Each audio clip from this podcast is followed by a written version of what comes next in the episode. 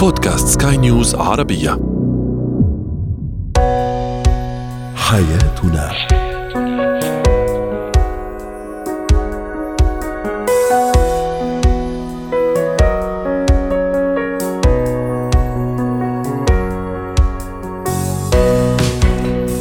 مستمعينا الكرام أهلا بكم معنا إلى حياتنا فضاؤكم اليومي الذي يعنى بشؤون الأسرة وباقي الشؤون الحياتية الأخرى والذي يمكنكم الاستماع اليه عبر منصة سكاي نيوز ارابيا dot com slash podcast وباقي منصات سكاي نيوز عربيه الأخرى شاركونا عبر رقم الواتساب 00971 561 886223 معي أنا ابتسام العكريمي.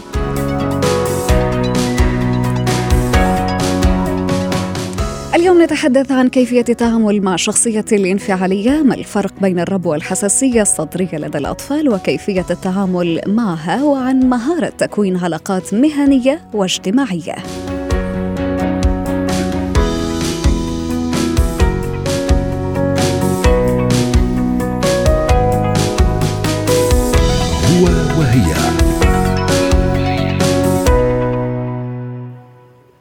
داخل كل إنسان سمات لشخصية خاصة تميزه عن غيره وهناك أشخاص لديهم طبع انفعالي عند حدوث موقف معين أو حتى عند اتخاذ بعض القرارات. هؤلاء يقدمون على أفعال أو أقوال قد يشعرون بعد فوات الأوان بالندم لارتكابها أو حتى لقولها.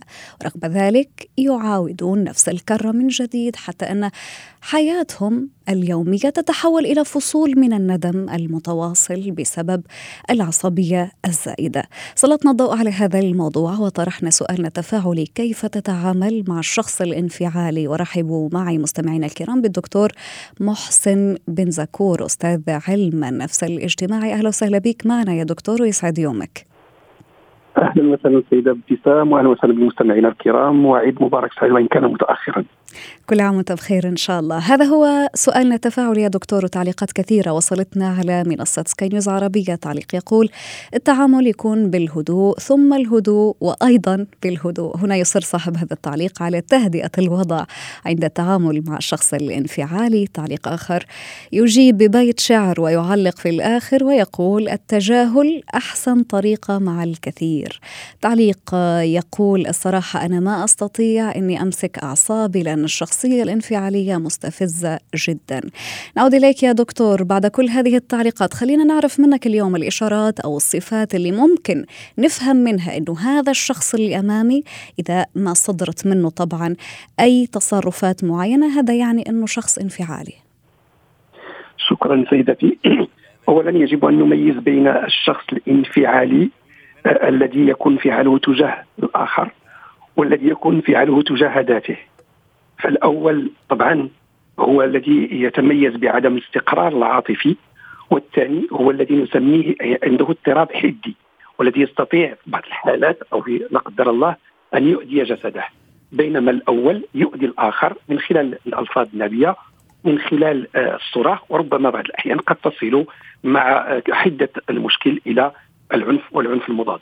تمام يا دكتور. كيف كيف نتعامل معه؟ واعذرني على المقاطعة. هل أتجاهله وأرجع أحكي معه بساعة سعيدة مثل ما يقال لما يكون رايق وهادي أم إني أحاول إني أهديه؟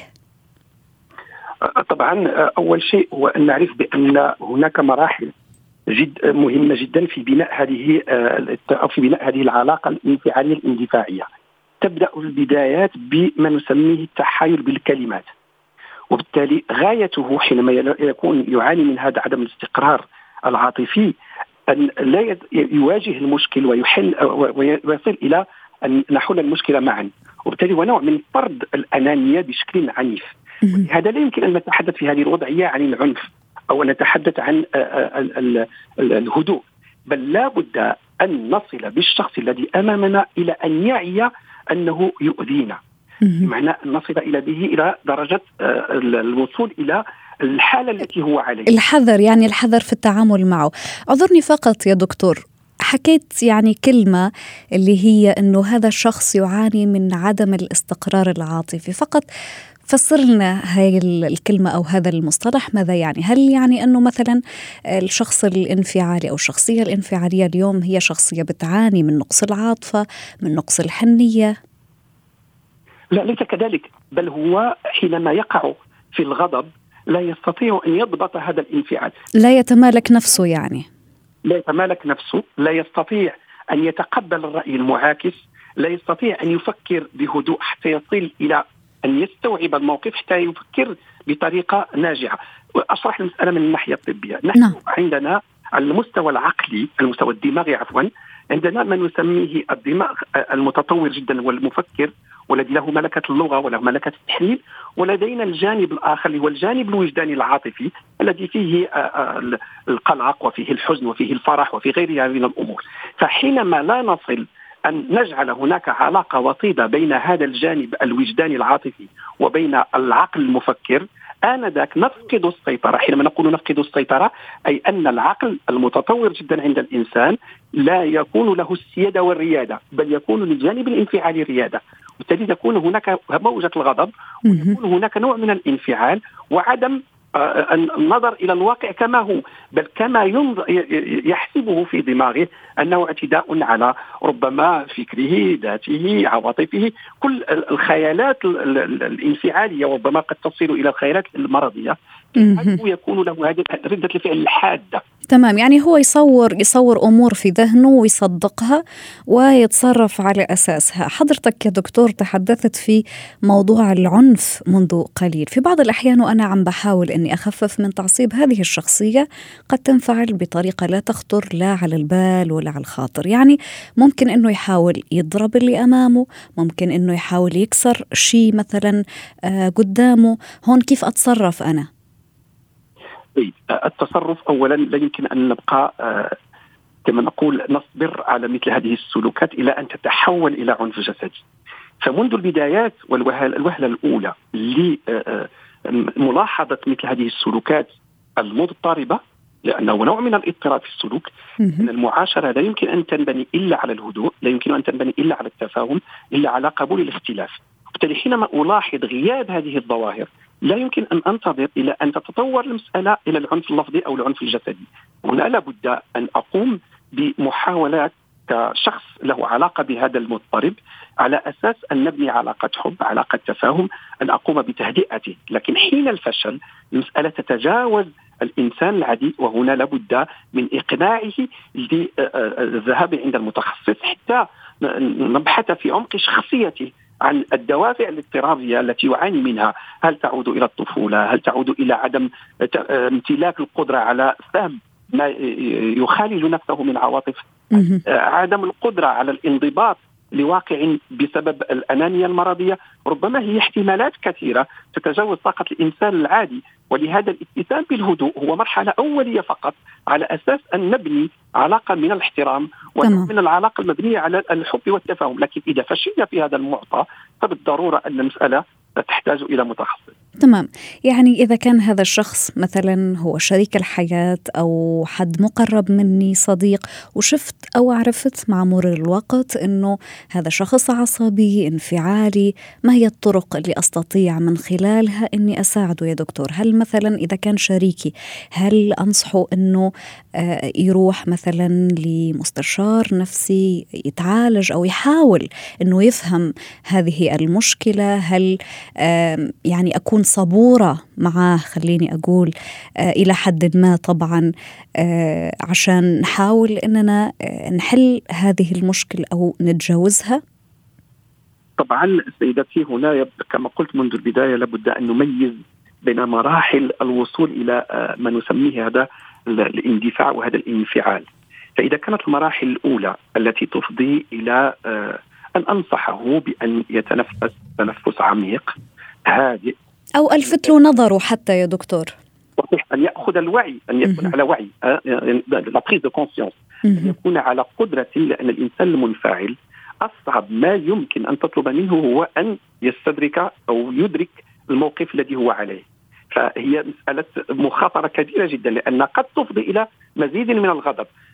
لنتصور هذا الخطاب. يعني هون حضرتك يا دكتور بتتحدث إنه ما لازم إننا آه، مثلا نقول له إنه أنت منفعل أو بتتصرف بطريقة غلطة في اللحظة نفسها اللي هو منفعل فيها أو أنت قصدك ما بعد الانفعال يعني لما يكون هادئ. أثناء الانفعال. أثناء الانفعال تمام.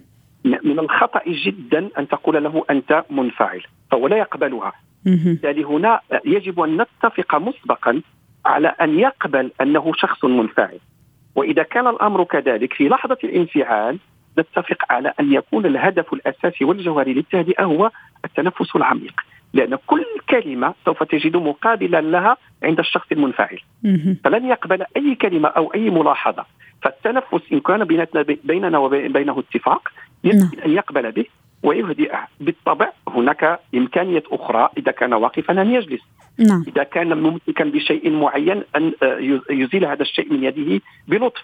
طبعا كما قلت هي هذه المراحل هي مراحل آه، طبيعية جدا لا تحتاج إلى متخصص. ودائما يا دكتور دائما يعني أنك تتفهم وضعية الشخص اللي أمامك سواء كان شريك الحياة صديق آه، أو أي شخص ممكن أنك تراه في هذه الحالة. يعني يبقى موضوع التفهم هو الأساس. شكرا لك يا دكتور محسن بن زكور أستاذ علم النفس الاجتماعي. أسعدتنا بحضورك وبالنصائح اللي أعطيتها لنا اليوم ويعطيك ألف عافية. زينة الحياة. تختلف أعراض الحساسية الصدرية والربو لدى الأطفال حسب كل طبيعة جسم ومدى قابلية هذا الجسم في التعامل معها قد يرى الآباء أنه طفلهم مصاب بالحساسية من خلال بعض الأعراض أو بنوبات ربو غير متكررة. أحيانا تظهر عليه في أوقات معينة فقط مثل عند ممارسة الرياضة اللعب القيام بمجهود كبير. لذلك قد يحدث هناك نوع من أنواع الخلط بين هذا وذاك. معنا الآن دكتور أنطوان أشقر اختصاصي الامراض الصدرية والجهاز التنفسي، أهلا وسهلا بك يا دكتور، إذا حبيت اليوم أعرف إذا كنت أنا أم أو أب كيف لازم أفرق بين الربو والحساسية لدى طفلي؟ ما أولى الخطوات اللي لازم أعملها قبل حتى ما أروح لأستشير الطبيب؟ مرحبا لك ولمستمعين أول شيء لازم نفرق بين الحساسية وبين الربو. تمام. الحساسية هي ردة فعل آه، من الجهاز المناعي آه، ضد أي آه، مسبب خارجي في الهواء مثلا؟ نعم. ممكن يكون شيء عم بستنشقه ممكن يكون من الأشجار ممكن يكون من الأكل ممكن يكون من الزهور ممكن يكون من الغبرة إلى آخره. الربو هو ممكن يكون نتيجة للحساسية. يعني هو مرض مزمن يصيب قصبات الهواء. يعني ممكن يا دكتور إننا نقول إنه الربو هو نتيجة للحساسية اللي تكون على المدى البعيد إذا لم يتم معالجتها؟ نعم. ممكن يكون ربو ناتج عن الحساسية وممكن تكون حساسية بدون ربو. نعم. يعني العلاج مختلف كليا.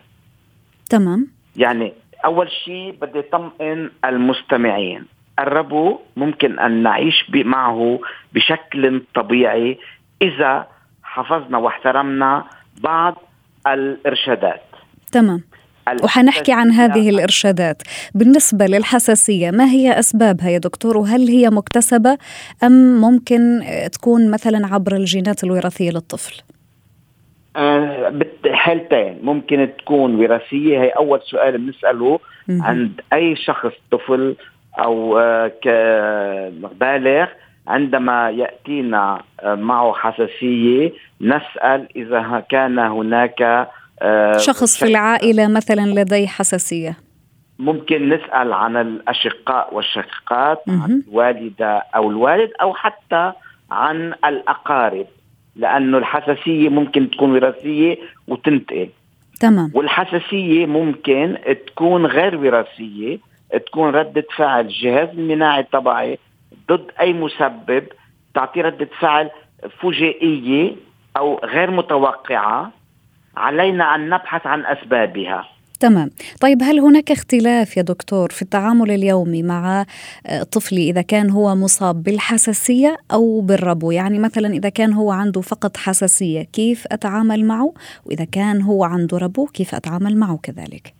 طبعا لأنه الحساسية إذا كانت حساسية فقط دون ربو ما بتعطي عوارض ضيق تنفس. أما الربو بيعطي عوارض ضيق تنفس. بعطي مثل إذا احتك الواحد بزهور وهو عنده حساسية على الزهور بصير يعطس أو منخاره يرشح. العطس أو السعال تقريبا دكتور.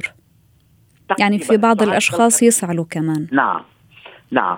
بقى في حالتين. أو له يتجنب هل إذا كان أنا بعرف شو سبب الحساسية له يتجنبها أو يلبس مثلا كمامة أو ما يحتك أو يبتعد عن المكان اللي ممكن إنه سبب له ذلك. ولازم كمان نعم. نبعده مثلا عن الغبار لازم نخليه يكثر أيضا من استخدام العطور صحيح دكتور؟ إذا يمكن يتخفف من من العطور. حسب إذا كان عنده حساسية على العطور طبعا. بس إذا ما كان عنده حساسية على العطور لا. أوكي. أول شيء لازم نعرف شو الأسباب. ما هي الأسباب التي تؤدي للحساسيه لتجنبها؟ لأنه الحساسية ممكن تتعالج بالتجنب أو ببعض الأدوية المضادة للحساسية. تمام. ليش؟ لماذا؟ لأنه ممكن تكون ردة الفعل أقوى بكثير عندما أنا أحتك لأول مرة مثلا بعارض للحساسية أو بأحد مسببات الحساسية. يمكن يكون عندي ردة فعل جلدية بصير جلدي أحمر أو بعطس أو بترشح أو بسعل خفيف. هذه يا دكتور الحساسية الجلدية صحيح؟ ولا حتى الحساسية اللي بتكون في الصدر كمان ممكن إنها يكون عندها آه، يعني أعراض جلدية؟ نعم حتى الحساسية الصدرية ممكن تعطي آه، إفرازات بالجلد. هلأ إذا كنت بعرفها علي تجنبها ليش؟ لأنه كل ما أحتك فيها ممكن ردة الجهاز المناعي تكون أقوى وتسبب عوارض أكثر خطورة. علينا معرفة ما هي يعني ما هي الأسباب. إنما إذا لم نكن نعرف ما هو العامل الذي أدى إلى الحساسية ممكن مثلا هناك حساسية موسمية عند الربيع عند تنشق الزهور إلى آخره أو عند الركض الركض مثل ما تكلمت ممكن يكون عند نعم حساسية الغبار مثلا. بعد ال... نعم. هي في اتجنبها بإرشادات وقائية تسمح لي أن أتمكن من العيش بشكل طبيعي معها وأخذ بعض الأدوية خاصة في حال كنت أنا أعرف ما هو سبب الحساسية. إذا بدي أعمل رياضة مثلا وأنا وعم بركض بصير عندي ضيق نفس أو بتضايق من الغبار. ما لازم أخرج لما بيكون في غبرة لما بيكون في رمل لما بيكون في ضباب. ما لازم أخرج أعمل رياضة. لازم أعمل رياضة وقت بيكون الطقس جميل خالي من المسببات الهوائية التي ممكن أن تؤدي إلى الحساسية أو إلى ربو تمام. عندما أكون مثلا عندي حساسية على فاكهة علينا تجنبها علينا إنه ما نعطي هذه الفاكهة لأطفالنا إذا كان عندهم حساسيه لأنه ممكن تسبب عوارض. كل ما بحتك فيها بيكون جهاز المناعة عنده ميموري عنده آه، بيتذكرها بيعمل ردة فعل عكسية أقوى من الأولى. هيدي لازم نتجنبها. مثلا في آه، حساسية عن الجلوتين. نعرف إنه هيدي للتغذية. هيدي ممكن نعم. تأذي الأطفال. لازم نتجنبها. ما في لها دواء. يعني دائما يا دكتور دائما النصيحة الأولى أني أعرف كيف أتعامل مع طفلي إذا هو مصاب سواء بالحساسية أو بالربو. آه، أبعده عن الأمور اللي ممكن أنها تأثر فيه أو أنها تزود من آه، هذا الموضوع عنده. ونعرف كيف نتعامل معه في حياته اليومية. شكرا لك يا دكتور أنطوان أشقر اختصاصي الأمراض الصدرية والجهاز التنفسي على كل هذه النصائح الثمينة ويعطيك ألف عافية مهارات الحياة.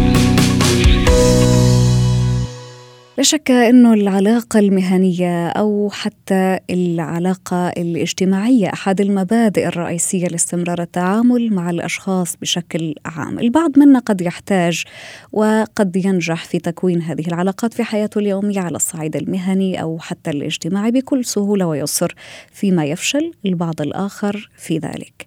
رحبوا معي مستمعينا الكرام بضيفتنا العزيزة اللي حتلتحق بنا بعد قليل في الأثناء. آه، إذا مستمعينا الكرام نتحدث عن العلاقات المهنية أو الاجتماعية، كيف نكون هذه العلاقات؟ اليوم هناك أشخاص تكون بطبيعتها اجتماعية، هناك أشخاص تنجح بكل يسر وبكل سلاسة في أنه تكون علاقات مع ناس ما تعرفها أو حتى لما تكون هي جديدة في العمل تنجح في أنه آه، تقوي روابط الصداقة ورابط التفاعل الاجتماعي مع الأشخاص اللي بيكونوا محيطين فيه. إذا رحبوا معي الآن مستمعينا الكرام بأستاذة سلوى عفيفي. أستاذة سلوى مدربة مهارات الحياة. أهلا بك يا أستاذة سلوى.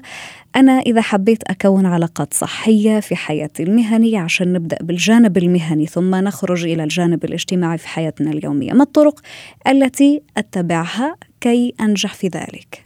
يسعد أوقاتك يا أستاذة ابتسام الموضوع شكرا. ده مهم جدا لأنه كل إنسان فينا عنده مهارات مهنية يعني أنا بفهم في شغلي حضرتك بتفهمي في شغلك إنما كمان في علاقات إنسانية داخل مكان العمل. كم ساعة بتقضيها في العمل؟ مش أقل من تسع ساعات. أنا نفس الشيء. وهكذا. إن لم يكن في تقبل بيني وبينك وبيننا وبين الزملاء أو بيني وبين مديري أعتقد إنه الحياة هتكون صعبة جدا صح ولا لا؟ أكيد. هيبقى في حافز إني أنا أصحى من النوم وأروح وأقول يا إزاي هيعدي اليوم؟ وبالتالي أكيد هيأثر على الأداء بتاعي. إذا بنقول دايما وفي دراسات كتير أثبتت إنه علاقة الإنسان وسعادته ونجاحه في مجاله المهني يعتمد على علاقته بمديره وزملائه. فعلا حقيقه إحنا بشر يعني صحيح إنه من الاحترافية إني أنا لما أوصل مكان العمل أستطيع أن أفصل ما بين مشاكلي الشخصية وما بين العمل ومع ذلك وهذا اللي لازم يا أستاذة سلوى. طبعا هذا اللي لازم ومع ذلك إحنا بشر يعني لو لقيت زميلة ليا مثلا ممكن تكون آه، في ظروفها متقاربة. ممكن mood مثلا ال mood ما يكون حلو. يعني ممكن آه، أحيانا لا تحب إنها مثلا تمزح أو لا يحب إنه صح. يتعاطى كثيرا مع زملائه أو مع الأشخاص في حياته آه، اليومية لابد إن نتفهم هذا الجانب ولكن لابد كمان إنه الطرف المقابل يا أستاذة سلوى يعني ما يكثر أيوة. من هذه التصرفات اللي ممكن إنه ينزعج منها مثلا المحيط أو الطرف المقابل صحيح أكيد. ما هي طبعا العلاقات بتكون تو آه، ويز يعني من الطرفين. علاقة علاقة أخذ وعطاء علاقة من الجانبين علاقة تجاه الف أو من الفرد إلى المجموعة والمجموعة إلى الفرد. أهم حاجة إن إحنا نحس إن إحنا مقبولين اجتماعيا نحس إن إحنا في إحساس مراعاة لمشاعر الآخرين. دي حاجة أساسية جدا. اذا إحنا دائما علشان نكون علاقات سليمة وعلاقات صحية لابد أن نعرف المنطقة المشتركة بيني وبين الآخرين، يعني ما هي المصالح المشتركة أو المنافع المتبادلة؟ ما الذي ما هو دوري الأساسي؟ هل أنا أخاطب شخص في نفس مستواي أو شخص هو رئيسي أو مرؤوس؟ كل واحد يعني لكل شخص مقامه في آه، خلينا نقول في طريقة التعامل ومع ذلك يبقى هناك مبادئ أساسية وهي الاحترام وهي مراعاة مشاعر الآخرين مثل ما ذكرنا. إذا نعم. بناء العلاقات شيء مهم ولكن لابد أن يتسم بالذكاء الاجتماعي والذكاء الفطري أو الوجداني. نعم تمام البعض قد يرى يا أستاذة سلوى أن الشخص الاجتماعي في بعض الأحيان قد نعم. يفهموا غلط يعني الشخص نعم. الاجتماعي اللي بيكون فرفوح وبتكون الحياة حلوة أمامه قد هناك أطراف قد تفهمه غلط قد تظن أنه هذا الشخص هو ضعيف يعني ليش هو بيتكلم مع كل العالم هيك وليش بيتعاطى بسلاسة مع العالم؟ هون هذه الشخصيات كيف أتعامل معها أيضا؟ هناك مهارة في التعامل معها يا أستاذة سلوى. صحيح. اولا لازم ندرك إنه إحنا مختلفين ودايما بتلاقي في خلال يعني ضمن المجموعة الواحدة بتلاقي في أنماط مختلفة من الشخصيات. فهذه الشخصية الشخصية الضحوكة المرحة الفرفوشة زي ما ذكرتي. على فكرة هي مطلوبة مطلوبة. بالضبط. يعني وجودها طبعا مطلوبة جدا. ممكن أنا وجودها بيخلي موجات إيجابية بتعم في المكان. طبعا. طبعا. ولكن كل ما زاد عن حده قد ينقلب إلى ضده فهذا الشخص أيضا الفرفوش المرح لابد أن برضو إيه يكون عنده ذكاء. طيب إمتى أمزح؟ هل هذه المزحه ستكون مقبولة في 30 ثانية فقط أستاذة. سلوى من هو الشخص اذا على الطرفين إحنا نتقبل هذا الشخص الفرفوش فعلا وننظر إلى الموضوع من الناحية الإيجابية إنه هذا يلطف جو العمل في بعض الأوقات وهو كمان لابد أن يراعي متى يستخدم هذه يعني المرح أو نعم. الروح الدعابة نعم. وهكذا نعم شكرا لك ضيفتنا العزيزة أستاذة سلوى عفيفي مدربة مهارات الحياة على كل هذه المعلومات القيمة ويعطيك ألف عافية وصلنا إلى ختام برنامج حياتنا إلى اللقاء.